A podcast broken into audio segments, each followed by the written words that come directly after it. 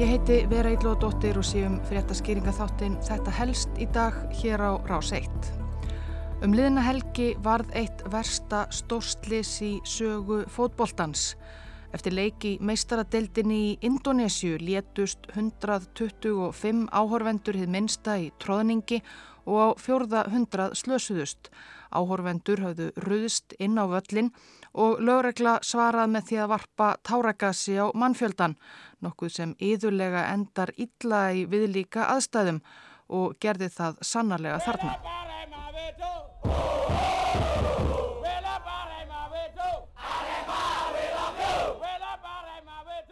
Stuðningsfólk indonesíska fókbóltaliðsins Arima FC voru eflaust flest kátt í bragði þegar þau strimdu inn á heimavöll liðsins kann Djúruhan leikvangin í Malang á Östur Java.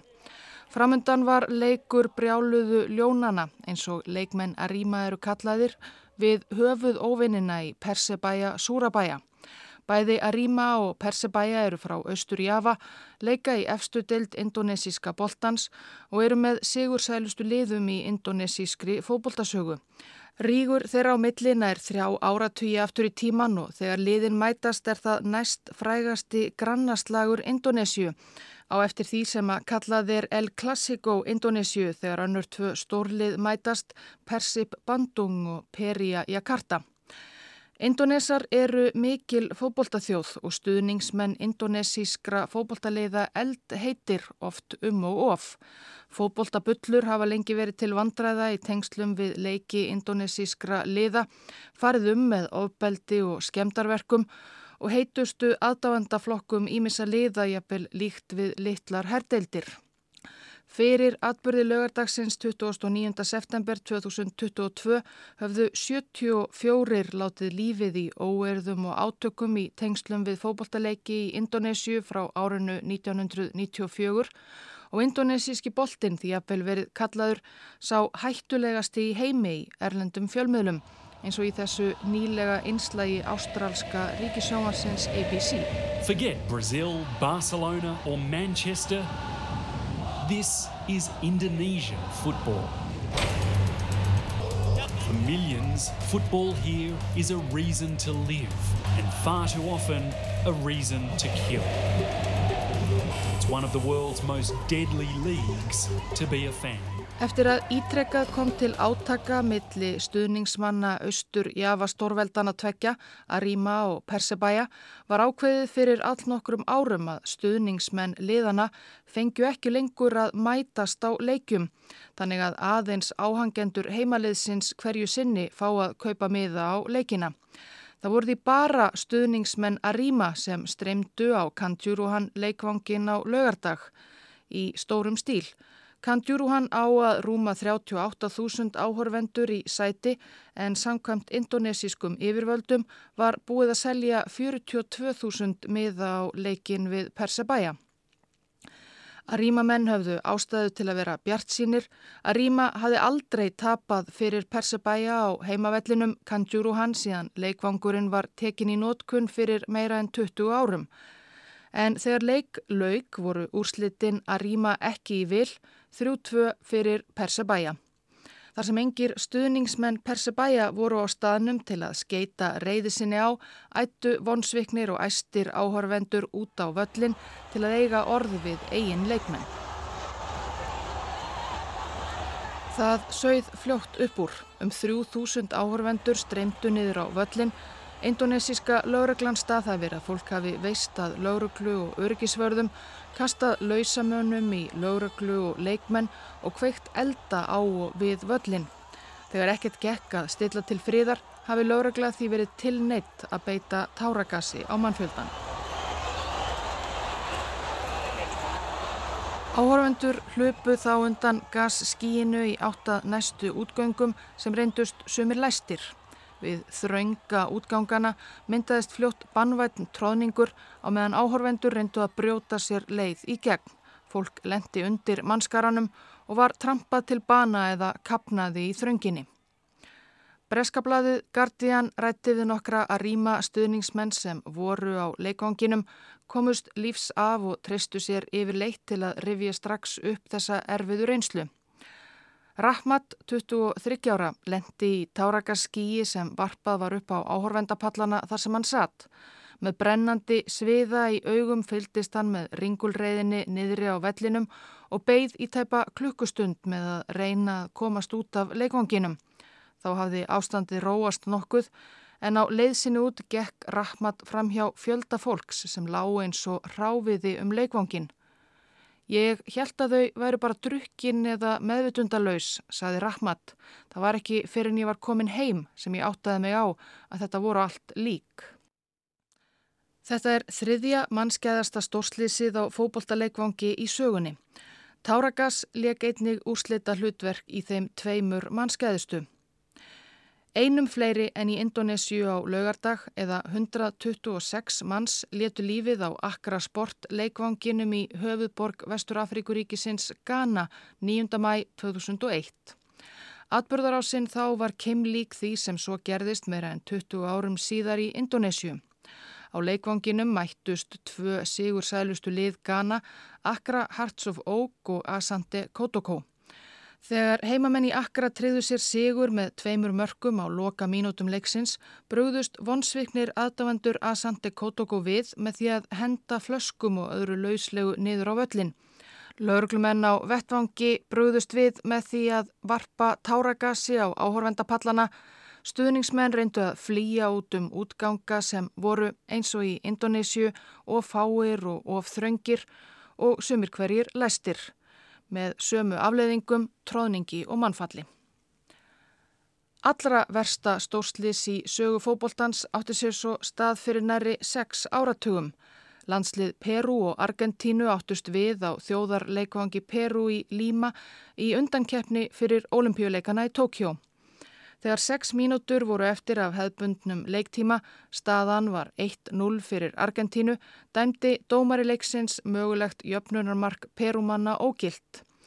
Heimamenn erðust af bræði og hlupu inn á völlin, lögregla varpaði þá táragassi á áhorvendapallana og fólk brást við á fyrir sjáanlegan hátt, flúði niður þrönga stigaganga að útgöngum sem reyndust lokaðir. 328 hið minsta köpnuðu eða tróðust undir og 500 slösuðust. Öryggis ráðleggingar alþjóða knatsbyrnusambandsins FIFA mæla alfarið gegn því að táragas sé notað á áhorvendur á fókbóltaleikjum og gegn því að lauruglumenn og öryggisverðir á leikjum séu yfirleitt með táragas við höndina. Sérfræðingar í mannfjöldastjórnun og óerðalágjastlu hafa einnig mælt gegn táragassi við svona tilefni. Það sé einungis falið til að gera aðstæður verri og skapa hættu á stórslisi. Þessar ráðleggingar FIFA eru þó bara það, ráðleggingar. FIFA hefur ekki vald til að banna neitt í þessum efnum.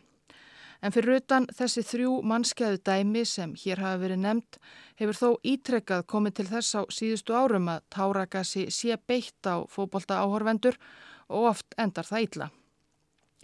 Síðast fyrir fjórum árum, 2018, beitti lögregla á þessum sama stað, kann Djúruhan leikvanginum í Indonésiu, táragassi á stöðningsmenn Arima FC sem þá flyktust niður á völlin argir út í domgæslu í lok jafns leiks við Persíp Bandung. 214 slösuðust í ringulreiðinni sem af því skapaðist. Einn 16 ára drengur komst slasaður heim af vellinum en lést tæpum tveimur vikum síðar af höfuð áverkum sem hann hlaut. Aldrei aftur sögðu aðstandendur Arima FC þá en annað kom á daginn. Það sem haft hefur verið eftir lauruglu yfirvöldum eftir harmleikin á Kantjúruhan er að stuðningsmenn hafi ráðist að lauruglumönnum og engin leið fyrir þá síðarnemdu að ná tökum á ástandinu nema með táragassi. En það er vel þekkt að þegar eitthvað alvarlegt kemur upp á í fókbóltaleikjum reynir yfirvöld að kenna áhorvendum alfarið um hvernig fór þó oftar séða reyndar öryggisverðir sem eigi þar meiri sög eins og fókbalta sérfræðingur New York Times Rory Smith fór yfir í grein í blaðinu á sunnudag. Nú í janúar létu áttalífið í tróðningi fyrir leik Kamerún og Komoros eiga í Afrikubikarnum í jándi höfuborg Kamerún. Laurglumenn hafðu þá af einhverjum ástæðum beint fólki á leið á leikin að ingangi sem reyndist lokaður og læstur. Reynd var þó að kenna áhorfendum um. Svipa gerðist 2012 í Port Said í Egiptalandi eftir leik Al-Masri og Al-Ahli í egifsku meistaradeildinni. Í leiklokk réðust stuðningsmenn Al-Masri á stuðningsmenn Al-Ahli þegar þeir síðar nefndur reyndu að flýja reyndust útgangar á leikvanginum en læstir og voru ekki opnaðir fyrir en 74 höfðu tróðist undir Svo er auðvitað eitt allræmdasta stórslis fótboltans á Hillsborough leikvanginum í Sheffield á Englandi 15. april 1989 þegar 97 létust og á 800 slösuðust í tróðningi á leik Liverpool og Nottingham Forest. Lóreglan í Sheffield reyndi fyrstum sinn að kenna drikkjulátum og bulluskap Liverpool stuðningsmanna um hvernig fór en rannsókn leiti í ljós mikil mistök og vanrækslu Lóreglu. Skemst er svo að minnast úrslita leiksins í mistaradeild Evrópu á þjóðarleikvangi Frakka í París í lok mæ á þessu ári millir Real Madrid og Liverpool. Allt í kringum þann leik ennkendist af ringulreið, ruggl með aðgangsmiða var þess valdandi að langar byðræðir stuðningsmanna mynduðist við leikvangin og urðuða lokum að algjöru öngþveiti. Og jú, hér og þar beitti lögregla táragasi til að reyna að hafa heimil á vonsviknum og reyðum stuðningsmönnum. Sem betur fer varð ekkert stórslis í París en kannski mátti litlu muna. Og Evróska knattbyrnusambandið og frönsk yfirvöld hafa sætt gaggrinni fyrir að reyna að kenna seinagangi og miðafölsunum stuðningsmanna um hvernig fór.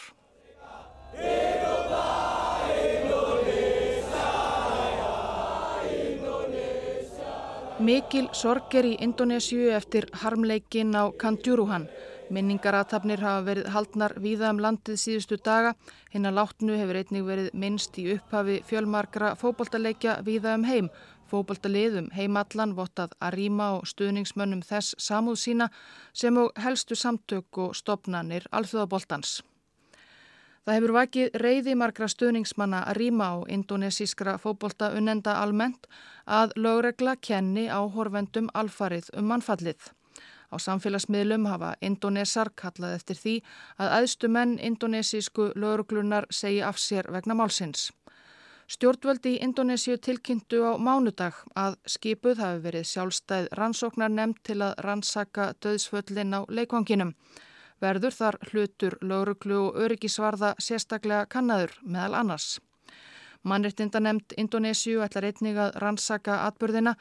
Nemndarmæðurinn Muhammad Choyrul Anam saði við fjölmiðla að margt bendi til þess að það sé helst lauruglu að kenna að það fór sem fór. Hafi laurugla ekki beitt táragassi hefði varðla komið til tróðningsins á leikvanginum. Þíski fjölmiðlinn Deutsche Welle rætti á dögunum við bladamannin James Montague sem rannsakað hefur indonesíska fókbaltamenningu og skrifaðum hana í bók. Hann segir að stórsli sem þetta hafi í raun verið lengi yfirvofandi í landinu.